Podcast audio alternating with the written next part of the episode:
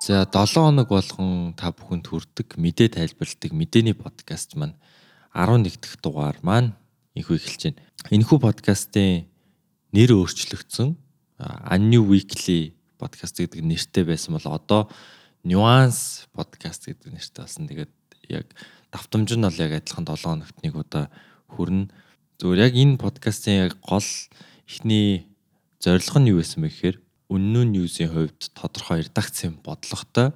Гэхдээ яг энэ подкаст болохоор бусад редакцуудын мэдээг уншаад тэгээд түүнд сэтгэгдэл хилдэг ийм редакцийн бус контент байгаад идэг. Гэхдээ энэ дээр өөрөө анью гэдэг нэр байхаар илүү зохимжгүй гэж үзсэн болохоор ер нь нэрээ өөрчлөөр шийдсэн. Тэгэхээр яагаад нюанс подкаст гэдэг тийм нэр өгсөн бэ гэхээр энэ гарч байгаа бүх мэдээнүүд бүгдээрээ наана ийм үйл явдал болсон байна гэдэг ийм тайлбар явж байгаа шигсэндээ цаана маш нарийн нюанстай түүхийн улбаатай асуудлууд ч юм уу те. Олон таллууд орж ирсэн ийм игцэгтэй асуудал төр шууд ингээд дундуур нь таслаад шийдчихдэг ийм асуудал гэж байхгүй. Яг ийм нөхцөл байдал дээр дандаа тэр цаана нарийн нюанс явж идэг. Тийм нюанстай асуудлуудын тухай тайлбарладаг учраас Nuance podcast гэж нэр өгсөн. За тэгээд одоо 10 дугаар гарсны дараа 11 дахь дугаар дээр нэрээ өөрчилж гин гэж бодохорж байгаа сонь санагч шүү. За энэ удаад хэдүүлээ маш олон мэдээг ярина. Яг ганцаараа хөтлөхөр зүгээр би өөрөө олон улсын харилцааны хүн болохоор дандаа олон улсын мэдээнүүд сонгож хийгээд байгаа одоо New Tech-ийн Тамираттайгаа хамтраад одоо Apple event-ийн тухай ч юм уу тий. За тэгээд өнөө ньюсийн Мичка Тэнгэрээ хоёртойгоо нийлээд анимийн тухай ч ярьсан болно ер нь. За тэгээд зарим тохиолдолд би ч өөрөө байхгүй байж болно. За сүүлийн баг 4 5 дугаар дээр би өөрөө ганцаараа хөтлөж оролцож байна. Тэгээд би миний яг өөрийн юм салбар сонирхох дуртай яг бас мэрэгжил болохоор яг олон улсын харилцааны асуудлыг төлхөө яриад байгаа. Өнөөдөр болохоор 5 мэдээ ярих юм байна. За өмнө нь болох дандаа 1 2 3 дээдлэн 3 мэдээ ярьдаг гэсэн бол энэ удаад 5 мэдээ. Гэхдээ хөрхөн товчхон. Гэхдээ нэг мэдэн дээр илүү төвлөрөөд нарийн нюансыг гаргах гэж оролдоно.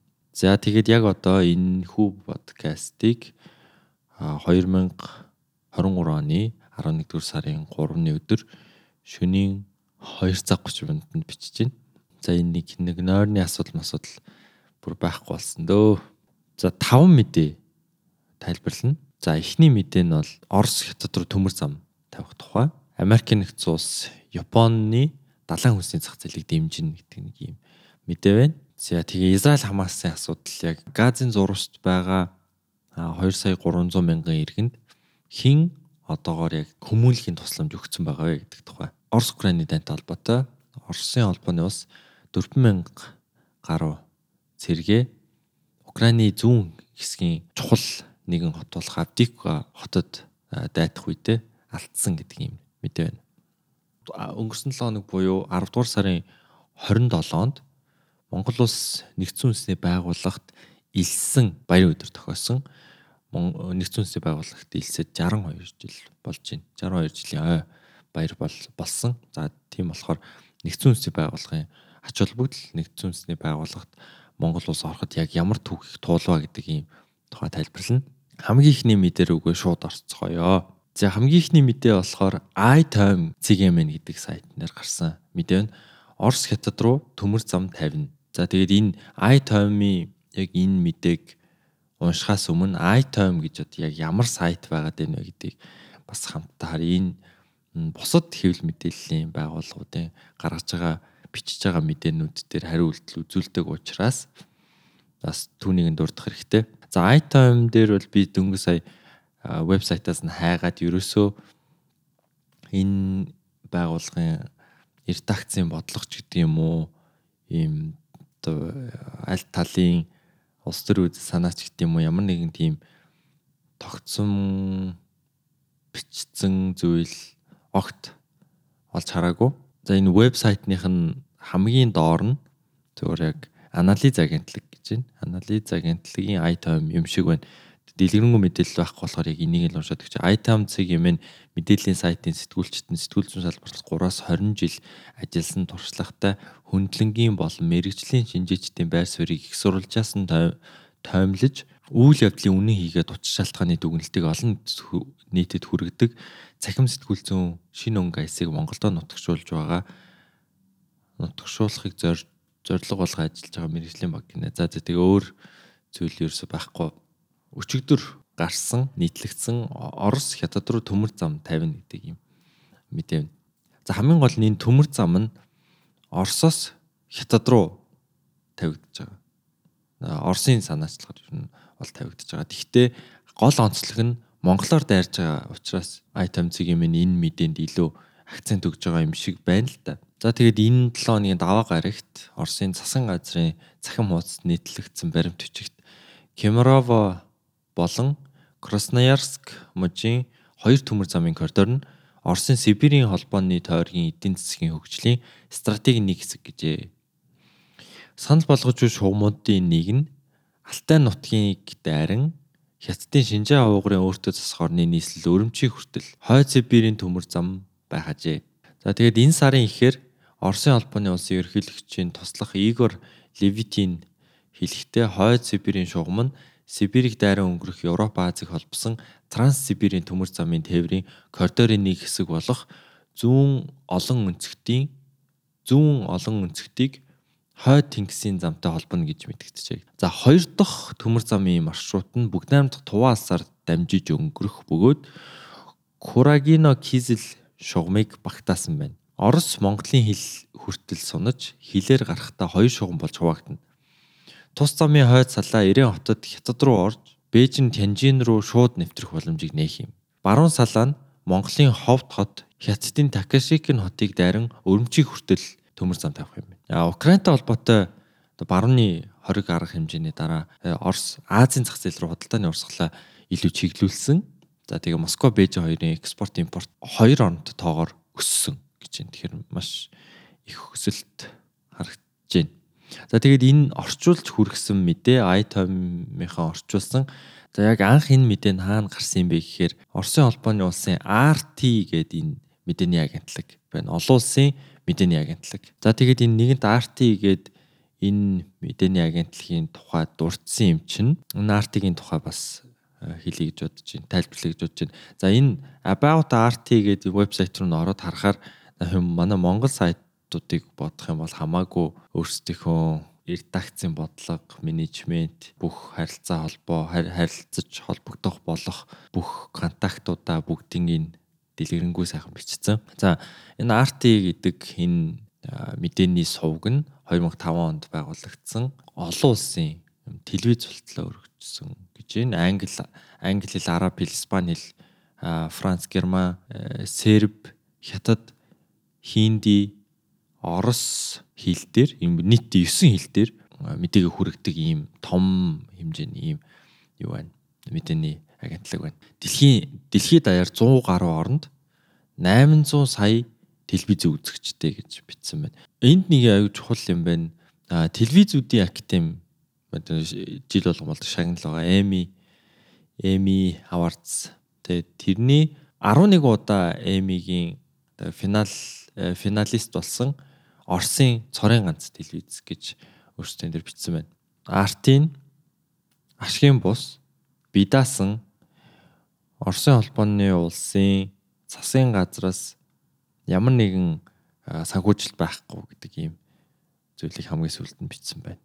За за. За нэг ийм мэдээний агентлагийн анх гаргасан мэдээг item орчуулж хүргэсэн байна. За ер нь Монгол улсын хувьд далаад гарцгүй орн байгаад байдаг. Тэгэхээр бидний яг гадаад худалдааны гол хоёр түнш бол ерөөсөө хоёр хөрш тэгээд өөр арга байхгүй. Бид нар төмөр замаараа э, авто замаараа л худалдаа хийхгүй л өөр ямар ч арга зам байхгүй. За тэгээд автозамын хөгжил бол манад үнэхээр муу. Том том тракуудаар одоо автозамын тээвэр хийхээр манах тийм боломж байхгүй.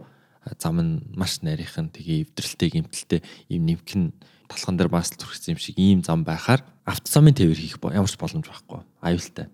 За тэгээ төмөр зам барих гэхээр төмөр зам ерөөсөө алтан булгийн э, хилээс замын үд хүртэл ерөөсөө нэг юм ганцхан яг юм Орос хятадтай холбосон ганцхан төмөр замтай. Тэгээд өөр зүйл байхгүй. Тэгээд нүүрсний уурхаануудаас нэг урагшаага хил рүү хідэн бомбтоор төмөр зам барьсан, барьж байгаа, гатсан гэ баахан тийм асуудалтай байдаг. Монгол улсын хөгжих бараг цорын ганц арга дөө. Тэр нь бол оо миний хувь хүний өнцгөөс бол яг олон улсын харилцааны хүний хувьд бас олон улсын харилцаа чинь бас олон салбаруудыг нийлүүлж ийж энэ дунд нюансыг нь олоод манай подкастын нэртэй адил нюансыг нь олоод тэндээс нь улс эх орныг яаж хөгжүүлэх вэ? Гэхдээ бид нэр яг бие дааж ганц ганцаараа хөгжинө гэдэг бол ялангуяа Монгол шиг ийм хоёр хоорондоос хамааралтай ийм улсад бүр хэцүү тийм учраас бид нар гадаад бодлогоо зөв тодорхойлж ийж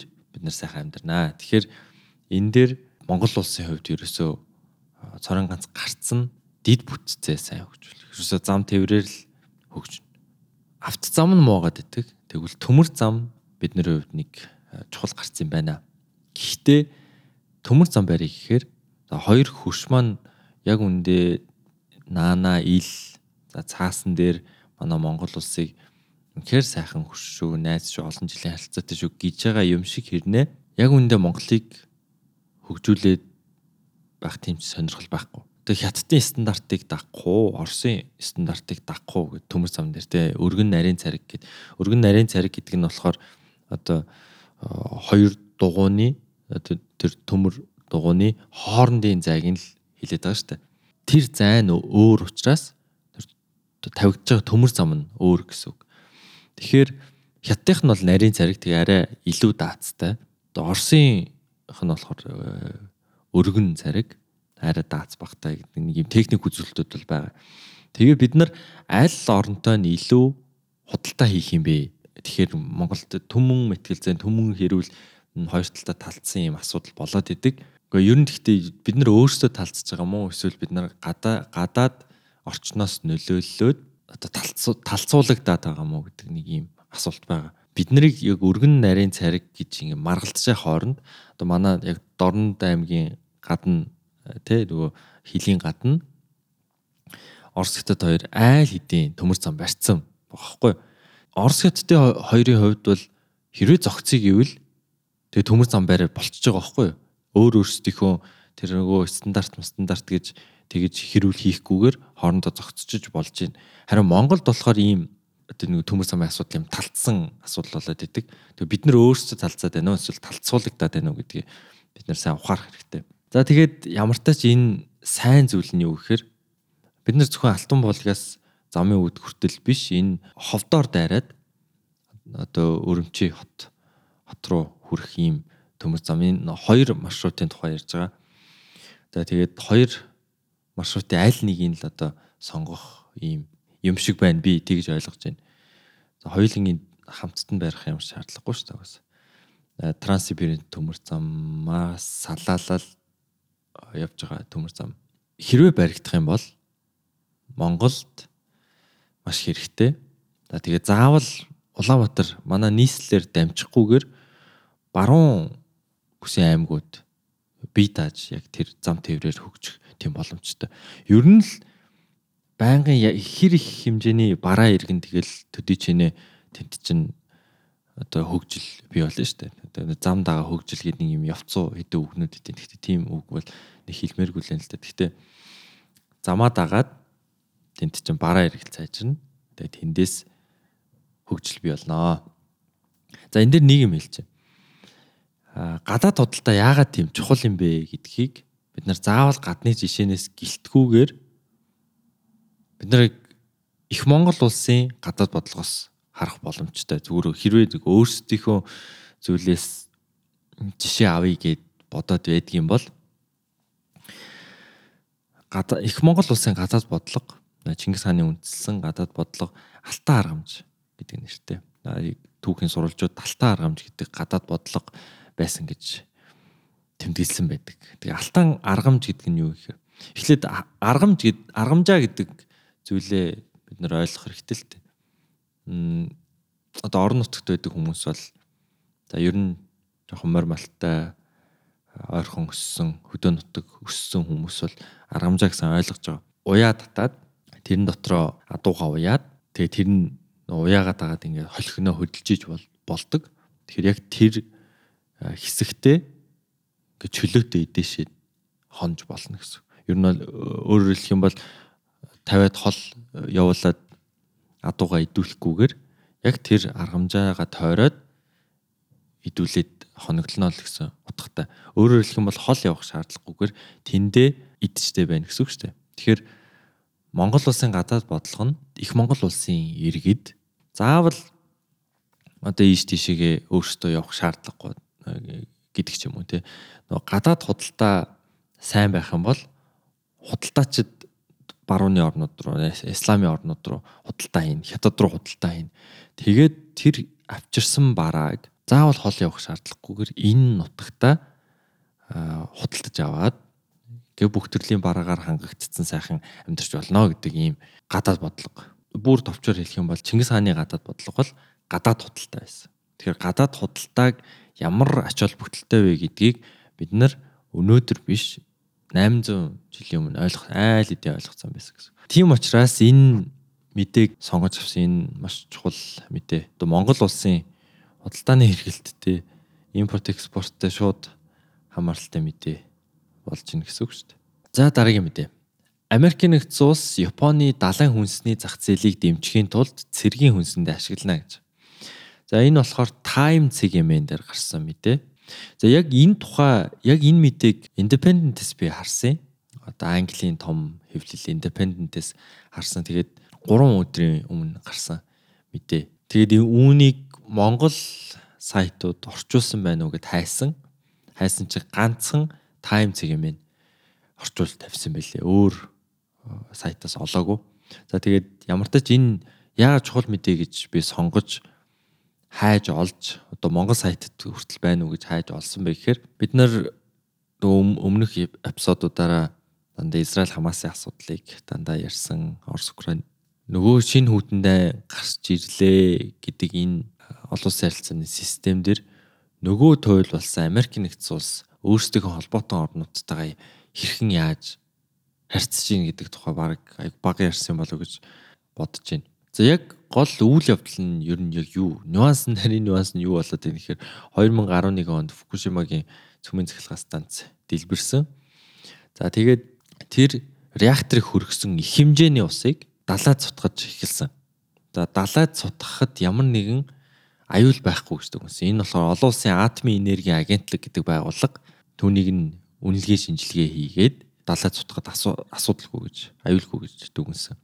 За гэхдээ бүгд найрамдах хятад ард улсын хувьд Япон улсаас бас далайн хүнсийг импортлж авдаг улсуудын нэг юм байна. За тэгэнгүүт хятадын талаас хүнсний аюулгүй байдлын эрсдэл тулгарч байгаа учраас Японы далайн хүнсийг худалдаж авахгүй гэдэг тийм хориг тогтоосон. Бүгд найрамд хятад ард улсын хувьд хүнсний аюулгүй байдлыг маш өндөрөөр тавьдаг. Аюултай одоо химийн хорт бодистой генийн өөрчлөлтөө гэдэг юм уу тийм хүнсний төлөө их тэмцдэг. Гэхдээ дийлэхгүй байна гэж хэлдэг. Ягаад тэгэхээр зах зээл нь байгаад байгаа болохоор. Ер нь ингээ харахаар Японд байгаа хятад баруунуудыг харахаар Япон зарагч байгаа, Солонгос зарагч байгаа хятад баруунуудыг харахаар хараас чанартай гэдэг нь шууд харагддаг. Тэр сав баглаа бодол тэр өнгө зүс байгаа байдал бүгднгээс нь маш чанартай гэдэг нь харагддаг. Харин Монголд орж ирж байгаа хятад баруунуудыг харахаар бүгдээрээ мэднэ. Манад 8 хийж байгаа хүмүүс нь ч гэсэндээ хамгийн чанаргүй Монгол хүнийг хамгийн хордуулахар тийм баруунуудыг авчирдаг. За тэгээ хятад хүнсний аюулгүй байдалтай маш их ач холбогдол өгдөг. Гэхдээ зах зээл байгаа тэр зах зээлийн нэг хэсэг нь бас Монголд байгаад байгаа болохоор үнэхээр дийлэхгүй байна гэж ярьдаг.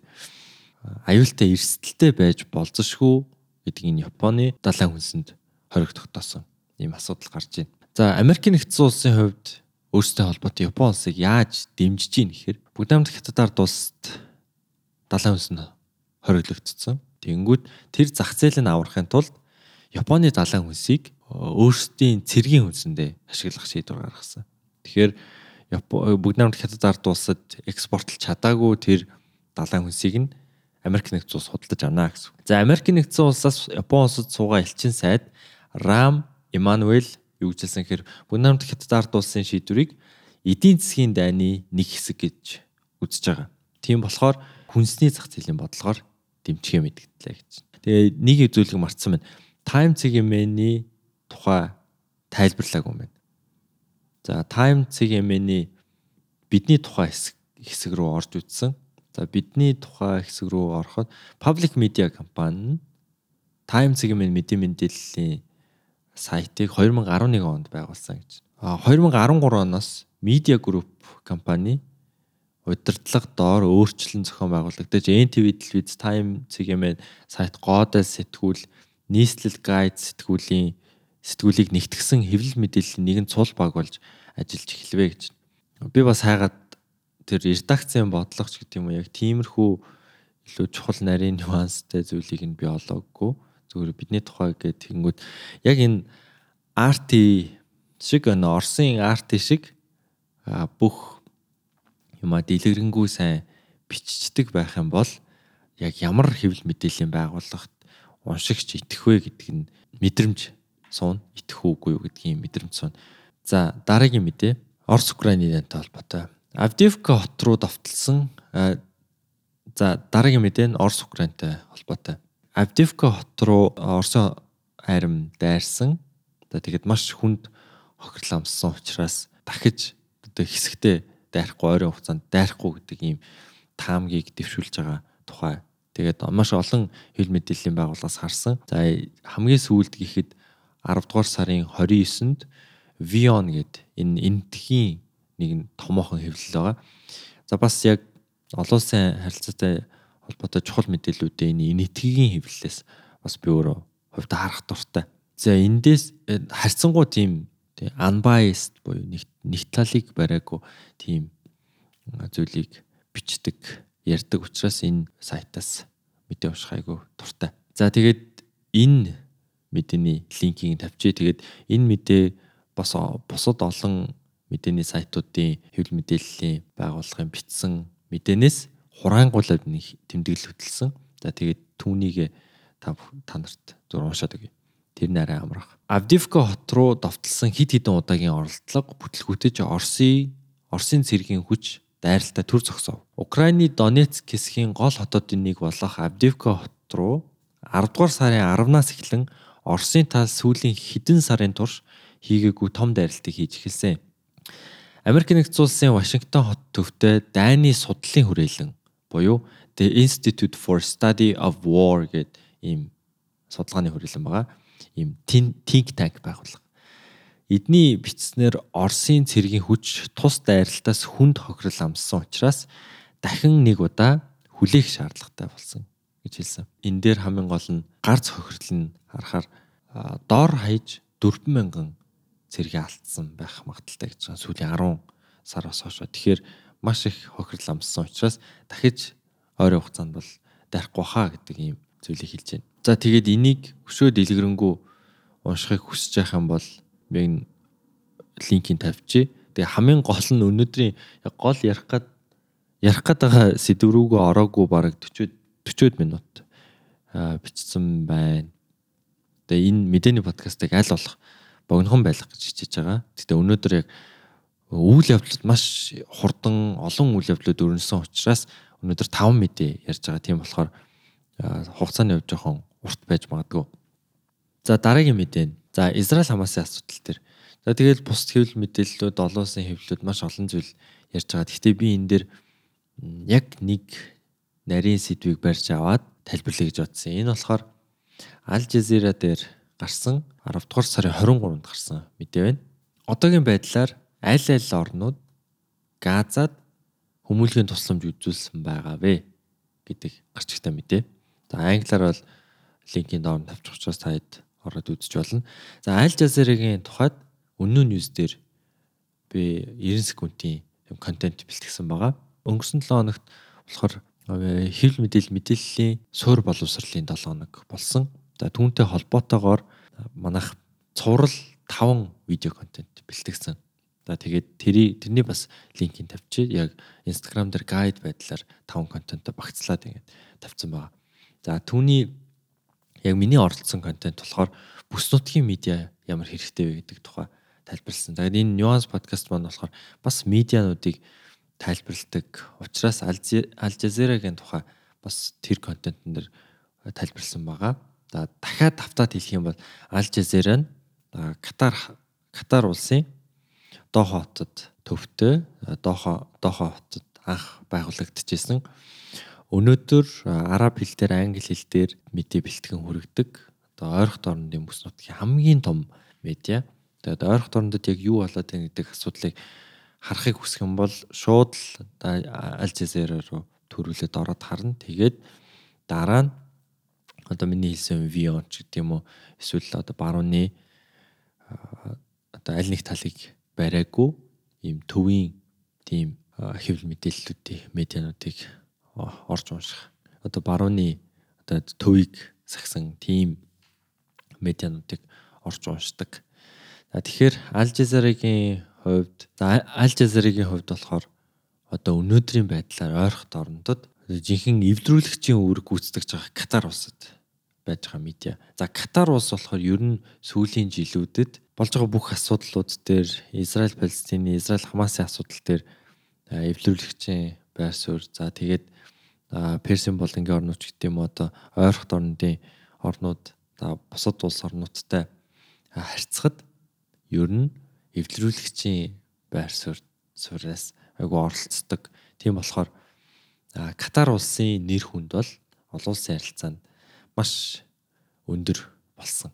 За тэгээд одоогоор Газад хин тусламж үзүүлсэн байгаа вэ гэд. За энэ мэдэн дээр би бас багахан тэмдэглэл хөтөлсөн түүнийг уншиж арай товчхон байх болов.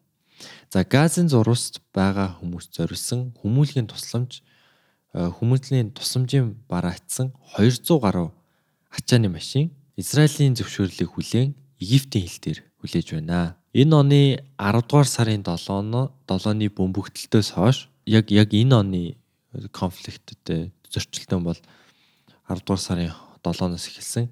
Энэ бөмбөгдөлтөөс хойш хүмүүнлэгийн тусламж хүргэх анхны цуваа дөнгөж өнгөрсөн амралт төр ирсэн. Буюу одоо бүтэн 2 7 хоногийн дараа анхны тусламжийн машин ирж гин гэсэн үг байхгүй.